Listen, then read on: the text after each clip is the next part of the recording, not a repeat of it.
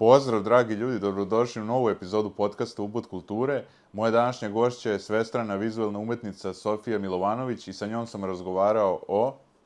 On je recimo baš taj koji je uveo novinu u umetnost, time što je uveo naučno-istraživački rad, da kažem. A, on se bavio tokom svojih doktorskih studija a, time kako zvuk pravi sliku što mislim da je vrlo zanimljivo. Pored toga mislim da je vrlo neophodno nekako da mladi umetnici, mi danas, pored toga što nešto nacrtamo ili naslikamo, uz to damo i neku svoju teoriju, objašnjenje zašto i kako smo došli do toga.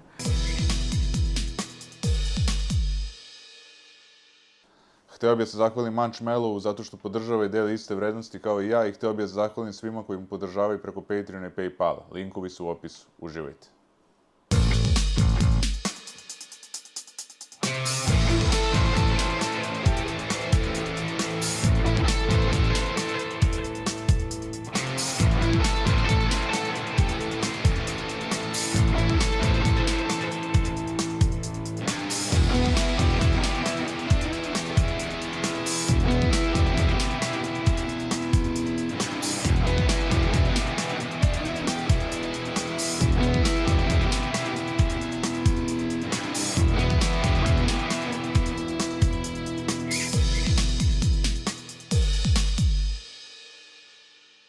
Sofija, dobrodošla, mnogo ti hvala što si došla. Hvala što ste me pozvali. Za početak jedno manč pitanje, a to je, ti si skoro imala izložbu u Istanbulu, u stvari ona još traje, pa kakvi su utisci i o čemu se radilo na toj izložbi? A, da, izložba još uvek traje, danas je poslednji dan. A, tema je bila abstraktni beskraj, a, gde a, izložba predstavlja a, sinergiju više umetnika, ne samo iz Istanbula, nego iz cijelog sveta. I ja sam u okviru toga a, odlučila da a, dam neki svoj a, neko svoje viđenje o temu, na temu a, srodnih duša. Ovaj, I o našem traženju tog našeg dela duše a, i svim srodnim dušama koje srećemo tokom ovog života. Pošto nekako volim da verujem da pored a, partnera, srodne duše predstavljaju i naše prijatelje, naše članove porodice. Verujem da a, svaka osoba koja dođe u naš život, dođe u naš život sa nekim razlogom. Tu smo da nekad jedni druge a, bodrimo, da naučimo nešto više jedni drugima o životu. Nekad nas, nažalost, i povrede, ali to je isto sa nekim razlogom, ali verujem da svaki korak taj nas onda dovodi bliže kao osobi koja predstavlja deo naše duše. Odnosno osoba a, za koju ja verujem da mi nekako cijelog života kružimo jedno oko drugog dok ne dođemo na isti put i tada je onda nekako neminovno da mi zajedno koračamo i da se lakše nađemo i upoznamo. A ti si sad malo pre rekla da čovjek možda ima više srodnih duša. Da li se desi tu i neka razočaranje u smislu ono, da čovjek pomisli da je to srodna duša, međutim uvidi vremenom da nije? A, pa, a, ja nekom sad da li jeste, da li nije. Ako jeste srodna duša, onda ne mora nužno da bude u našem životu a, zauvek. Šta nas razočara, to što je neko otišao, to nas povredi i mi time onda smatramo da taj neko ipak možda nije za nas. Ne mislim da je nužno tako. Mislim da treba da gledamo sa nekog drugog aspekta. Ta osoba je ušla u naš život sa razlogom. Tu je bila neko određeno vreme da nam je nešto lepo, možda i nešto bolno i tužno posle toga, ali to ne znači da ta osoba nije ispravna za nas. Mislim da nekako svi ljudi koje smo voljeli, do kojih nam je stalo, treba da ih na taj na isti način čuvamo u sebi i nakon što oni odu. Ne mislim da nekako treba da gajimo u sebi a, ta neka negativna razmišljanja da kad neko ode, on automatski više nije za nas jer nije deo našeg života. A proveli smo neki određeni deo našeg života u kojem nam je bilo lepo i jedno drugom smo doprineli da u našem zajedničkom vremenu nam bude još lepše. A misliš da je onda ljubav dovoljna sama po sebi, to što postoji i što je ta neka osoba izazvala to u nama? Pa sad... Pa da, nastalo. mislim da jeste dovoljna sama po sebi, ali a, mislim da je uz to nekako najteže voleti zapravo čoveka baš onako kakav jeste. Zato što za to je potrebno mnogo i truda i strpljenja, jer To je rekao i Vladeta Jerotić, da je teško Da. prihvatiti čoveka onako kako jeste, a da ga je teško voleti onako kako Da. jeste, ali ako ga prihvatimo tako kako jeste, imamo šansu da utičemo na njega da... Da, jer e, tom ljubavlju i strpljenjem i prostorom, sigurnim prostorom za emocije, za sazrevanje, za rast koji mi njemu dajemo u toj ljubavi, mi njemu dajemo mogućnost da on postane osoba kakva je potrebna da bude prvo sebi, a onda i nama i drugima. Pretpostavljam da mnogi ljudi imaju i, da kažem, visoka očekivanja od te srodne duše. Pa O- svako da da, ali mislim uz to da nekako treba budemo realni, nikog ne dobijemo savršeno. Mislim, ni mi sami nismo savršeni. I Da. celog života mi uh, i radimo na sebi kao što celog života učimo i nove stvari i uvek ima neka nova sfera interesovanja koja nas i zanima. Nekako tokom celog života mi treba da rastemo jedno uz drugo. A da sačuvamo tu neku osnovu do koje smo došli. Mnogi ljudi, da kažem, ha, mislim, to sad dešava sve češće u današnje vreme, da ne mogu baš da podnesu to je gubitak, da kažemo, možda te, da kažem, vizije ili očekivanja od tog odnosa, možda su više i razočarani ovaj, u to što je moglo da bude nego u, samu tu osobu. Ne? Možda su više očekivali od tog odnosa kao, kao odnosa i ovaj, onda su skloni, da kažem, i samoubistvima i ono, mislim, onda se i povlače i ne upoznaju, ono, ne daju sebi šansu, ne budu otvoreni da upoznaju nekoga drugog. To je, ja mislim, jedna od ono, osnovnih mana ovaj, današnjeg sveta, ovaj, ali opet ne, može, ne mogu se ni kriviti ti ljudi s obzirom da su imali neka, da kažemo, loše iskustva. Sad, ja mislim da je snaga čovekova u obnavljanju. Da, ono, mi- Sad možeš ti slobodno da kažeš da misliš o tome, ono, mislim da... Pa da, mislim, tokom celog života svako iskustvo koje nas povredi i dalje nas formira onda ponovo na neki drugi način. U svojoj suštini mi treba da ostanemo uh, i dalje isti kako bismo nove ljude videli takve kakvi jesu, a ne formirali ih na odnosnu, na od, u odnosu na prethodne iskustva koje su nas povređivala. Isto tako mislim da nekad ljudi sa svojim očekivanjima stavljaju prevelik pritisak na osobu. Nemoguće je od jedne osobe da ona ispuni sva naša očekivanja Da. i da bude sve što smo mi zamislili. Uz to nekako a, vrlo je logično da ukoliko neko ne zna kakve su naše očekivanja, da se tu negde i mi razočaramo, a druga osoba ne može da zna kako su naše očekivanja ukoliko mi nismo sposobni da ih verbalizujemo. S te strane je vrlo važna i komunikacija prosto. Pa mislim da je to važno, komunikacija i saosjećanje, ako je dosta fali. Empatija, da. Da, dosta fali to danas ljudima i onako, ravnodušnost je neka glavna osobina ljudi, ne samo u odnosima, nego i ovako prema životu, ono, mislim, a to je najgore kad se čoveku desi da bude ravnodušan, mislim, što kaže i Jesenjin, nemoj da ti bude sve jedno, to nikada nije dobro, mislim, tako da, Da. ono, prosto mislim da treba čovjek da pobeđuje tu malodušnost, ravnodušnost i ono, da se trudi da nađe neki novi izvor energije u sebi.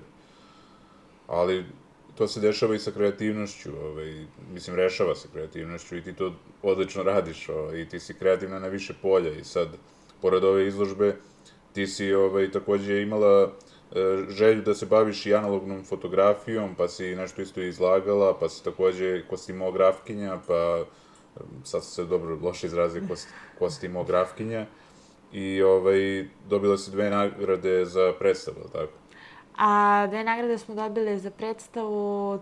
Predstava je zajednički rad. Predstava je a, bila ispitni, a, ispitna predstava na trećoj godini Fakulteta dramskih umetnosti mog kolege Rastislava Ćopića i to je bila zapravo moja prva predstava koju sam radila tokom studija i njegova takođe prva predstava, tako smo se i upoznali.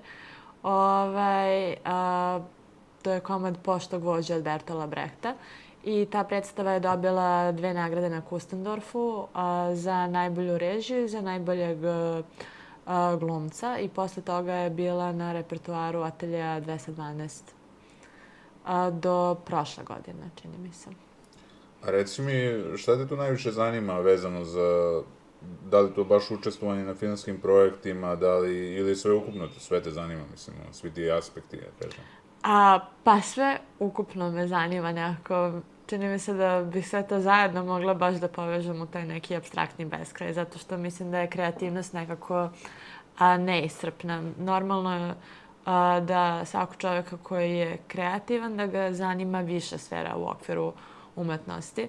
A, ono što se meni danas dopada, a to je da u 21. veku a, umetnost predstavlja sinergiju zapravo svih pravaca i svega što smo do sada imali priliku da uh, i vidimo i iskusimo i prođemo kako i mi mladi umetnici danas ipak smo imali priliku da prođemo taj neki osnovni nivo a, akademskog i crteža i slike i svega tokom studija, a opet danas a, dopada mi se što prosto a, imamo mogućnost da stvaramo nešto novo i vidimo sad ima dosta recimo i kod predstava kao i sa Pošto Božjem i neke nove predstave koje su sada na repertoaru i Titan Bronik a, i Vatre. A, sve predstave se sada ne obrađuju na jedan moderni način. Znači nemamo više tu neku klasičnu a, poetiku, već imamo taj upliv nekog novog načina sagledavanja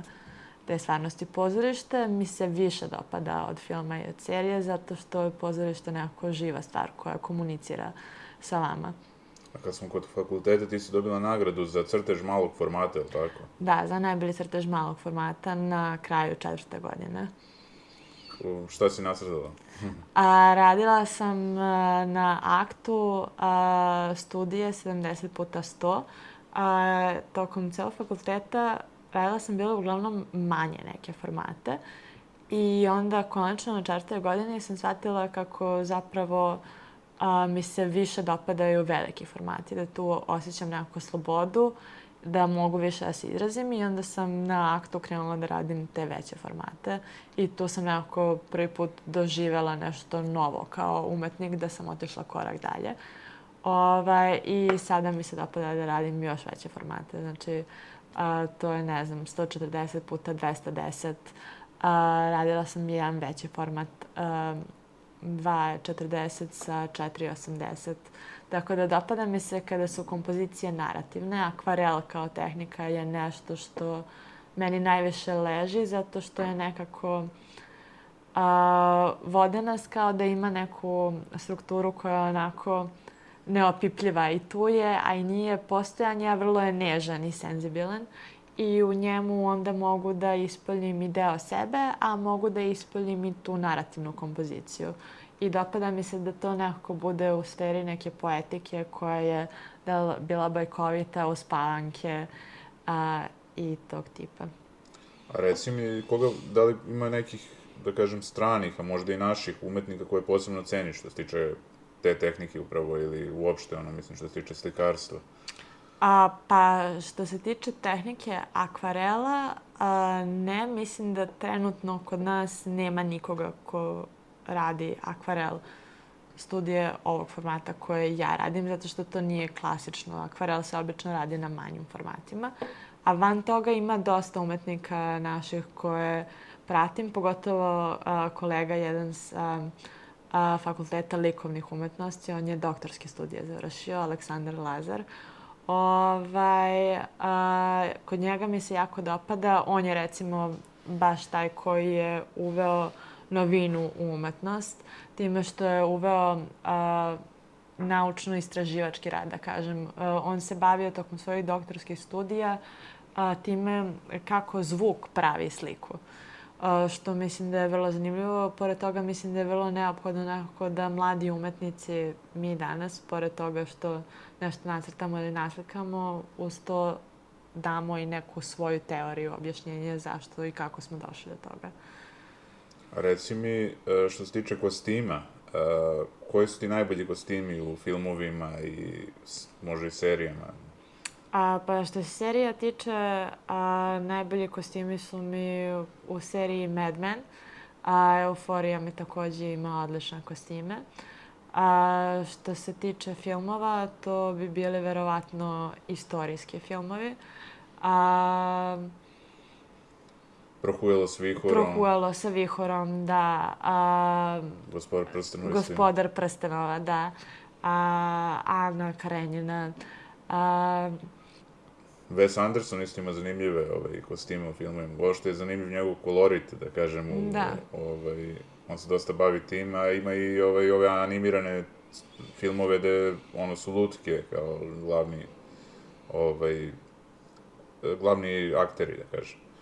A, A- isto jedna umetnica japanska, baš um, Mariko Mori je imala uh, tokom 90-ih te uh, performanse gde se oblačila, recimo, uh, na železničkoj stanici bi se obukla kao da je došla iz svemira, uh, pored prodavnice igračaka bi se obukla kao da je lutka, tako da to jeste nešto je takođe, uh, recimo, performansi, A, ali isto u domenu te neke poetike su nešto što je za mene vrlo interesantno. Recimo isto učenica od Marine Abramović, jedna a, Čiara Šiotu. Ovaj, ona ima tu celu neku poetiku gde recimo umesto tela kao mediji ona je koristila a, vunu i konce crvene, a, crne i bele i time je pravila kao mreže različite. Recimo imala je a, tokom 2014. kada su krenule izbeglice da dolaze iz Sirije, imala je a, baš izložbu radova gde je u centru kompozicije imala brod, a od a, svih konaca je a, napravila ključeve gde svaki ključ predstavlja po jednu kuću koja je ostavljena i taj njihov put prelaska a, iz jedne zemlje u drugu. Ja sam baš gledao skoro ovaj kanal Brilliant Ideas, ovaj, gde, na primjer, ima čovek koji je dizajner pa pravi kuće od svile, mislim, ovaj, dizajnira kao i baš izgleda moćno. A gledao sam isto tako jednu neku japansku umetnicu koja je, sad ima skoro 100 godina, mislim i dalje stvara. Ona je završila u mentalnoj instituciji, ja mislim, još pre 50 godina. I ovaj, ona nevjerojatno kako uređuje te prostore i to oni njih puštaju da izađe odatle pa da ima izložbe, pa Tako da, vrlo čudno. ovaj, I dobar je kanal, ima mnogo tih umetnika koji ovaj, se bave raznim aspektima umetnosti, tako da, stvarno jako zanimljivo, mislim. To preporučujem. A što se tiče, ajde sad da se vratimo opet filmovi, serije, predstave i kostimi, e, koliko je tu, koliko još te za film, pretpostavljam da je za istorijski najvažniji kostim, ali ti si rekla da je za ove neke moderne, kao Euforija serija, opet Mad Men, to je serija još 60-ima, nisu Da, smeli to tu je da omanu. opet epoha negde, Da. da. Da, da. Nisu smeli da omanu što se tiče toga, ono, mislim, verovatno se dešavalo i uvek je kritika za neki film kad je istorijski, kako su omašili kostime, kako su, vamo, mislim da je to bilo posljednje za ovaj film, uh, kako se zove film, ovaj, što su Ben Affleck i Matt Damon ovaj, se pojavljivali, uh, ovaj istorijski film, da li je Ridley Scott režirao, nije, jeste. Nije ni bitno, bio je pre dve, možda godine, eto tako, pre dve, tri godine, ovaj, tu su dosta napivali recimo perike, koje su im napravili, mislim, tako da, ovaj, van kostima i da deluju neubedljivo i da ne deluju kao iz tog vremena i tako da kažem. Mislim da se zove The Last Duel ili tako nešto. Da. Da, tako se zove, dobro. Tako da je, pretpostavljam da je jako važno, mislim, ono, da se tu ne omane u toj priči i, ovaj, a da vidiš da je možda budućnost kostima i, ovaj, da li možda nekim naučno-fantastičnim filmovima ili... A, pa, što da ne? Mislim, a, mislim da kada se kaže kostim, da ljudi to dosta nekako vezuju baš za a, istoriju i za epohu. Kada se kaže kostim, misli se uglavnom ili na pozorište ili na te neke istorijske, ali kostim danas predstavlja i, mislim, savremeno odevanje, ovo kako smo mi obučeni danas, da se snima serija sada, to bi bio kostim takođe. Savremen kostim, ali kostim. Tako da mora u neku roku da prati vreme u kojem mi idemo dalje, s tim što recimo a, kod filmova, serija, ali i pozorišta, kostim ima vrlo važnu ulogu gde on određuje lik i karakter, tako da uvek mora da ima te neke detalje koji čine lika, a i čovjeka. A reci mi od ličnosti poznatih, da li su to manekinke, manekeni, ne znam, glumci, glumice, ko ti se najbolje oblači ovako? Mm, Da li imaš neku posebnu ličnost ili... Pa sad što se tiče baš oblačenja, ne znam što se tiče recimo street styla možda uh, Hailey Bieber. A, ali ne pratim toliko poznate ličnosti i njihove načine oblačenja, više pratim dizajnere, recimo Nancy Dojak, Simone Roche, a, i to nešto što oni dizajniraju, pa onda mi bude zanimljivo pre da vidim kako je neka ličnost to iznela, od toga da baš pratim sada a, kako se kod poznatih oblači, zato što nekako a, danas je dosta zastupljen taj, da kažem, fast fashion i prošlo je pomalo, već čini mi se to vreme da street style diktira uh, ono što će se nositi na pistama. Mislim da u ovom trenutku sada ponovo se nekako vraća ta inspiracija u dizajnere, da dizajneri će ipak da donose ono što je novo, a ne da street style bude taj koji diktira to što će biti na pistama. Ima i dizajnera koji su filmski stvaravac, čini mi se ovaj Ford, on je... Ovaj, Da. Da. I nije, on je, njegov, ja mislim, je Nocturnal, kako se zove, Nocturnal Animal, ili tako se zove film, da. Sa, ovaj, to je njegov film. E, nije čak ni loš film, ono, mogu reći, stvarno, ono, tako da... Ali reci mi, gde vidiš onda budućnost dizajna, kao dizajna? A, pa dizajn kao i umetnost, mislim dizajn i jeste umetnost i tu isto prosto neminovno je da dođe do te sinergije. Mnoge stvari se vraćaju da budu ponovo inspiracija koje su bile popularne. Da li su to bile 90. 2000. Da li ćemo se vraćati ponovo unazad ili ići napred.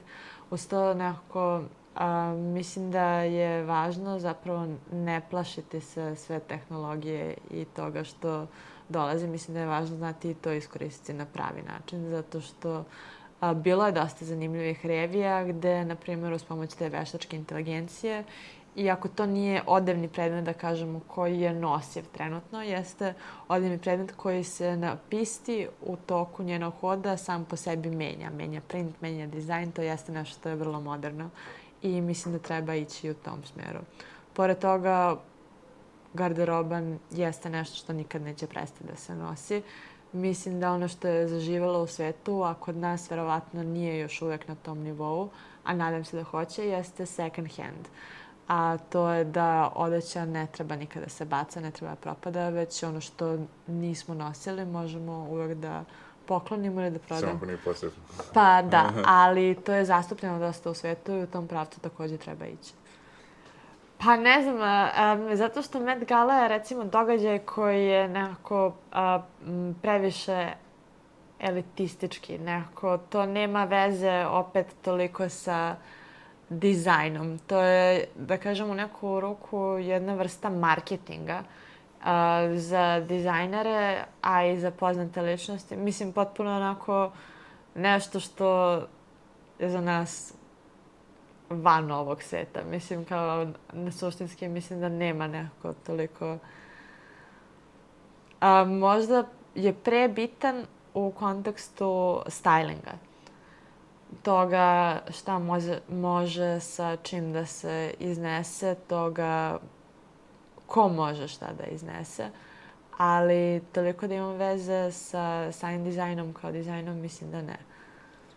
Sad razmišljam u, u svetu umetnosti, to jest i sveta muzike, ko je to bio onako, da kažem, što se tiče mode, ovaj, dosta onako moderan i recimo razmišljam prvo o filmovima Marlon Brando koji je prvi krenuo da nosi te majice uz telo, ovaj, on je Da. prvi krenuo one bele majice, crne, ne znam, uz telo i tako to. Onda, ovaj, razmišljam što se tiče muzike, recimo Grace Jones je ovaj, bila spec, specifična u svoje vreme, ona je bila kao, kao neki android, tako izgledala, mislim, ono, tako da, ovaj, uh, onda i ono njene poze, i to kako se oblačila nekada sa dosta onako oskudno, ali nekako njoj je to sve dobro stajalo, zato što je ona bila nekako, mislim da je to vrlo bitno kod osoba kako će da iznesu nešto, ovaj, bitno je da ne izgleda vulgarno, ovaj, ali to zavisi od njih kako će one da iznesu, tako da vrlo je bitan i taj stil, da kažem. Da. I sad razmišljam isto u, svetu muzike ko je prvi krenuo da se eto tako ovaj, oblači drugačije, pa Pa definitivno... imamo i kod nas Olivera Mandića isto, Da, da, da. koji je doneo nešto potpuno... Jeste, on je, on je bio ispred svog vremena što se Da. tiče muzike i to, bez obzira šta ja mislim kasnije o njemu, ovaj, u to vreme, 80-ih je bio stvarno specifična ličnost. Na primjer, ja mislim od stranih David Bowie da je bio isto Da. ovaj, specifičan kao čovjek sa meseca ili Marsa, ovaj, tako da ovaj, bio je kompletan umetnik i on je i slikao i, ovaj, i to njegovo oblačenje je bilo drugačije, apsolutno, od, od ostatka.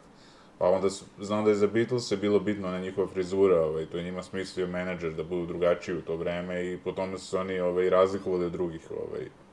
Znam da je is- insistirao na tome, kao da... Za bijelo dugme sam rekla da je radio a, Dragan Stefanović, Dobro, da. a, slikar da iz Sarajeva. Ovaj, on je Bijelo dugmet radio prva tri studijska albuma ovaj, i prvi je počeo da se bavi grafičkim dizajnom tada u Sarajevu i da radi omote. A uz to i Dragan Malešević Tapi je isto radio Radost bankrota. Mislim, i njegove slike su za mene recimo vrlo specifične i ovaj, da što imaju i hiperrealizam, a imaju ujedno i taj neki misticizam u sebi. A šta, Iako on po struci recimo nije bio slikar, on je bio ekonomista, ali jedan od boljih naših slikara. Po meni, mislim. Imamo isto primjer slikara koji su, to sam sad čuo ovaj, nedavno, ne znam ko je bio u muzeju Prado, da, e, ovaj, da od svih slikara baš Hieronymus Bosch bio onako ispred svog vremena, on je bio iz nekog 15. 16. veka i ono Da. njegove slike su neverovatne za ono vreme, mislim, onaj vrt uživanja i mislim, imamo opet Michelangela koji je bio isto, ja sam bio u, u Rimu i ono, bukvalno je to bez njega drugi grad, ono, on je neverovatan čovjek, mislim, tako da... A opet imamo od savremenih, ajde da kažem uslovno rečeno savremenih, Gaudi, koji je Barcelonu potpuno ovaj, promenio i to je njegov grad, mislim, tako da... Da. To je sad opet arhitektura, ovaj, ali opet ima veze sa dizajnom, tako da... Koliko tebe zanima tu arhitektura, dizajn, taj neki, ovaj... A, pa, mislim, zanima me sve kompletno. Mislim, imamo recimo i Kazimira Maljevića koji je isto završio, bio prvo a, muzičku akademiju, čini mi se, pa ekonomiju, pa je tek onda došao do slikarstva. Mislim, baš dosta ljudi koji su i donosili tako velike promene i a, nove pravce u okviru umetnosti, jesu bili ljudi koji su bili upravo svestrane. A reci mi, ti si imala priliku da sarađuješ i sa stranim umetnicima, sa ljudima iz Moskve, je li tako, na jednom projektu? Jeste, da, to je bila sad grupna izložba u maju u Ostavinskoj galeriji. To su organizovale a, dve ruskinje, Julija koja se inače bavi režijom i Ana koja je istoričarka umetnosti i one su odlučile da a, spoje umetnike iz Moskve i iz Beograda. I onda su tokom 7 dana, svakog dana, pored izložbe, a, imale i različite aktivnosti, da li je to bilo čitanje poezije, a, pa su bili i ruski violinisti, svaki dan je bilo dešavanje, što je bilo vrlo, vrlo zanimljivo. Vidio sam da ti voliš da povežeš poeziju sa crtežima. Da, meni se ne dopada nekako, a, to je bar neki moj lični stav, da imenujem konkretno rad kao rad, zato što mislim da time čoveka ograničavamo da on u tome vidi ono što mi vidimo. Ovako, kada imenujemo recimo seriju ili a, damo neki deo svojih misli, da li to bio tekst, pesma, poezija, time uvodimo u neki naš tok razmišljanja, a opet ostavljamo dovoljno slobode i prostora da se čovek poveže na svoj način. Jer nekako muzika je od sve umetnosti uvek najneposredniji način da se povežemo. Dok recimo sa likovnim umetnostima je uvek malo teže nekako doći do toga da čovek može da se poveže. Opet valjda i to zavisi od toga koliko koga šta zanima. A reci mi, koja je izložba na tebe ostavila poseban utisak kada nije tvoja izložba, nego, da kažem, bila si na izložbi sad i ono je oduševila si se, ovaj... A, pa, baš evo izložba ovo kolege a, koja je trenutno u Ulosu i dalje aktualna. Ovaj, to je radio u sradnji a, sa Manjom jednom i to možete da pogledate do 6. augusta, čini mi se. Ovaj, dobre vode, gde je spojio i baš prikazao na jedan specifičan način kako a, zvuk pravi sliku. Zanimljiv je taj, da kažem, konce- konceptualni deo gde su spojene razne vrste umetnosti I, Da, a, vizualni mediji, novi mediji, vizualne komunikacije, to je sve nešto što je vrlo značajno. recimo, znam za grupu Idole da su oni, mada je meni rekao ovde Zdenko Golar da nije baš to bio toliko konceptualan album po, samo se zvao po da, delu Borislava Pekića, ovaj, ovaj njihov album koji je bio odbrana i posljednji dan koji je bio proglašen za najbolji album, ali tu je bilo isto interesantnih tih nekih konceptualnih, da kažem, tema koje su se provlačile, ovaj, e, bar tako sam ja video je, sad on kaže nije baš tako, ali mislim, okej, njegovo je delo, tako da on čari u tome da svako tumači na svoj način, jel? Da. Tako da, ono, ovaj, i mislim da je najbolja ta umetnost što nas, što koju ljudi na različite načine različito ovaj, tumače, tako da, ovaj, to jest, ra, različiti ljudi različito tumače, tako da, Pa zato što svako od nas je nekako individua za sebe i onda svako i doživljava taj umetnički rad kao i muziku ili film na svoj neki specifičan način. Povezujemo ili sa nečim svojim ili prosto naše unutrašnje biće to doživjelo na svoj vrsta način.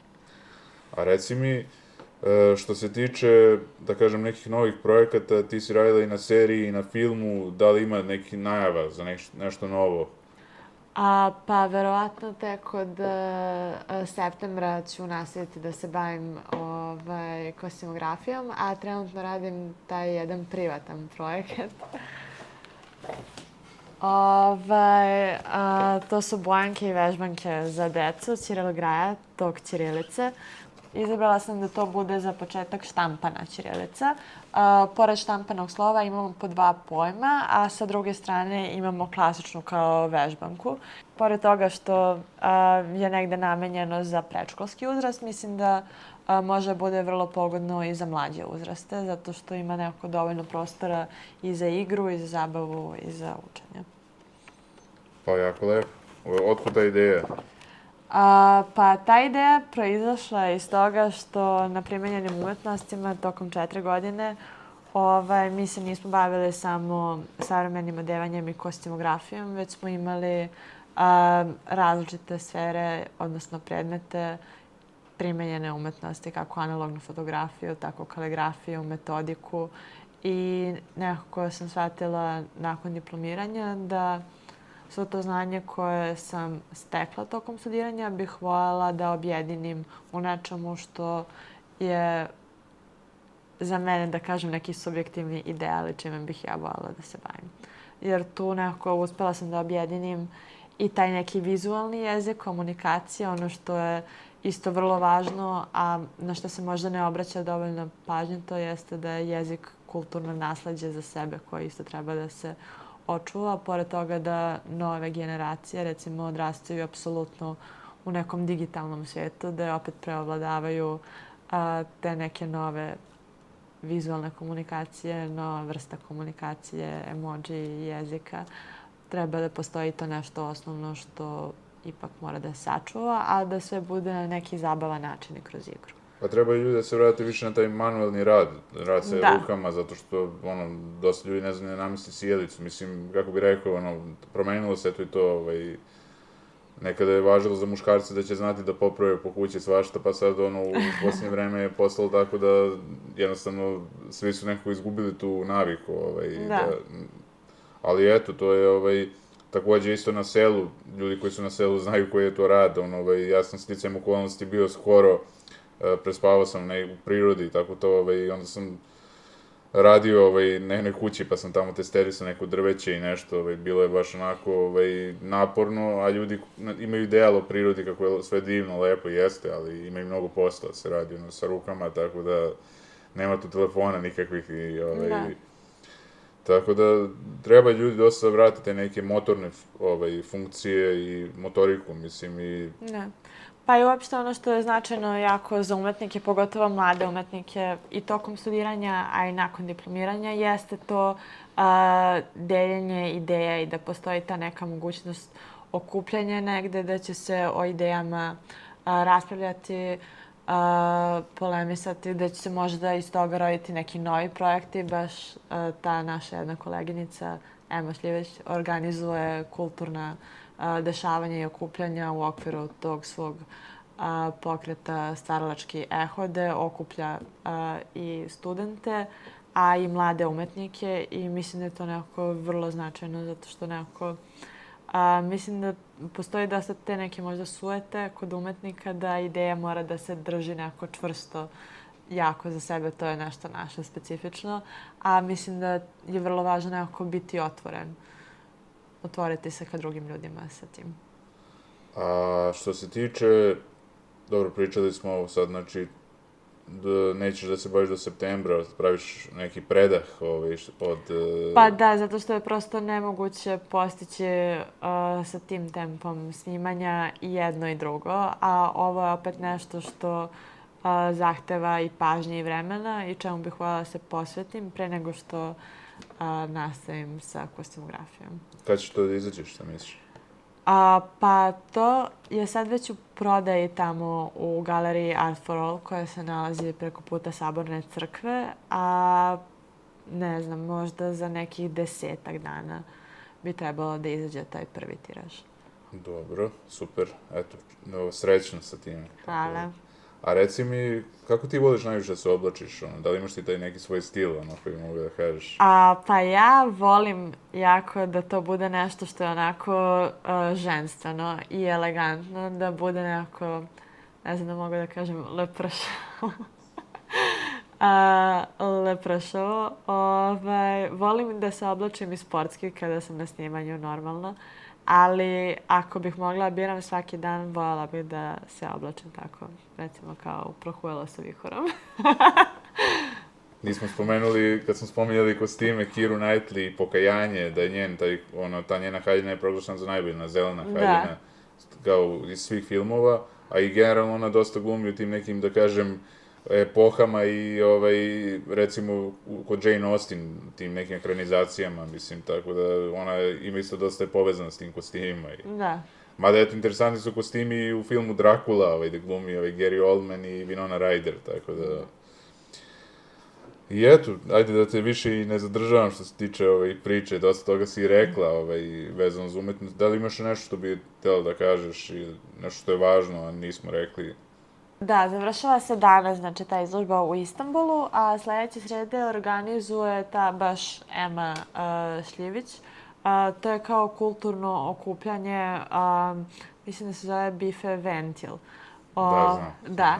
Ovaj, da ću ja da izložim uh, printove tih radova koji su bili sad u Istanbulu i pored mene bit će još dvoje kolega, ne znam još uvek uh, ko su, nije potvrđeno i baš ovaj, tu ćemo da se okupimo i da sad iz te ideje koja je nastala, abstraktnog a, beskraja, da vidimo da li to može da ide negde dalje. Takođe, uz to a, postoji ta neka ideja, mislim, ja recimo ne doživljam umetnost tako, mada bih rekla da dosta ljudi možda ima taj neki osjećaj da je umetnost možda predviđena za elitu, da predstavlja neku vrstu elitizma. A, mislim da to svakako nije neko tačno, barem ja nikad nisam imala takav doživljaj.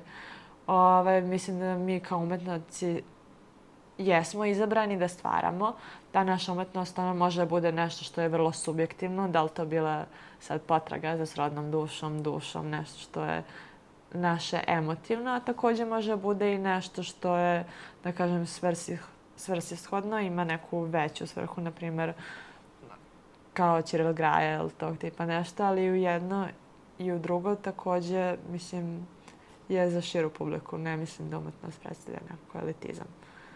Pa i ja tako smatram da je umetnost univerzalan da. jezik da. i da treba, mislim, nekada znaju kod nas ljudi da osude i kažu kao za nekoga da je elit, elitista, ako se bavi nekim možda stvarima kojima njima nisu, da kažem, razumljive, ali to ne znači da je da. elitista u tom smislu. Mislim, elitista je neko ko ističe to i govori za da. drugi da su možda ispod njega, ako ne razumeju to, ali nije neko ko se bavi višim nekim temama, mislim, ne, ne smatram da je to e, elitista, tako da... Uz to mislim da nekako svaki čovjek zapravo u svojoj suštini jeste umetnik, jer život sam po sebi jeste umetnost, način na koji mi sagledavamo život na koji ga doživljamo, način na koji se brinemo o ljudima, način na koji volimo ljude, mislim sve je to umetnost. Sofija, mnogo ti hvala na ovom razgovoru. S obzirom da ti ovo prvi intervju, odlično si bila, stvarno, ovaj, i dosta toga si rekla. Mislim, prvi podcast, pošto podcast i intervju nisu isto, ali nema veze, ovaj, svejedno, ovo ti je prvo pojavljivanje uopšte, jel tako? Jeste, ovaj, da. Tako da, ono, svaka čast, mislim, ono, i želim ti puno sreće u daljem radu i eto, gledat ću da posjetim to što se, to novo dešavanje u, si, Sledeće srede, da. sledeće srede. Srećno. I hvala, ti Hvala. mnogo. Gledamo se nadalje.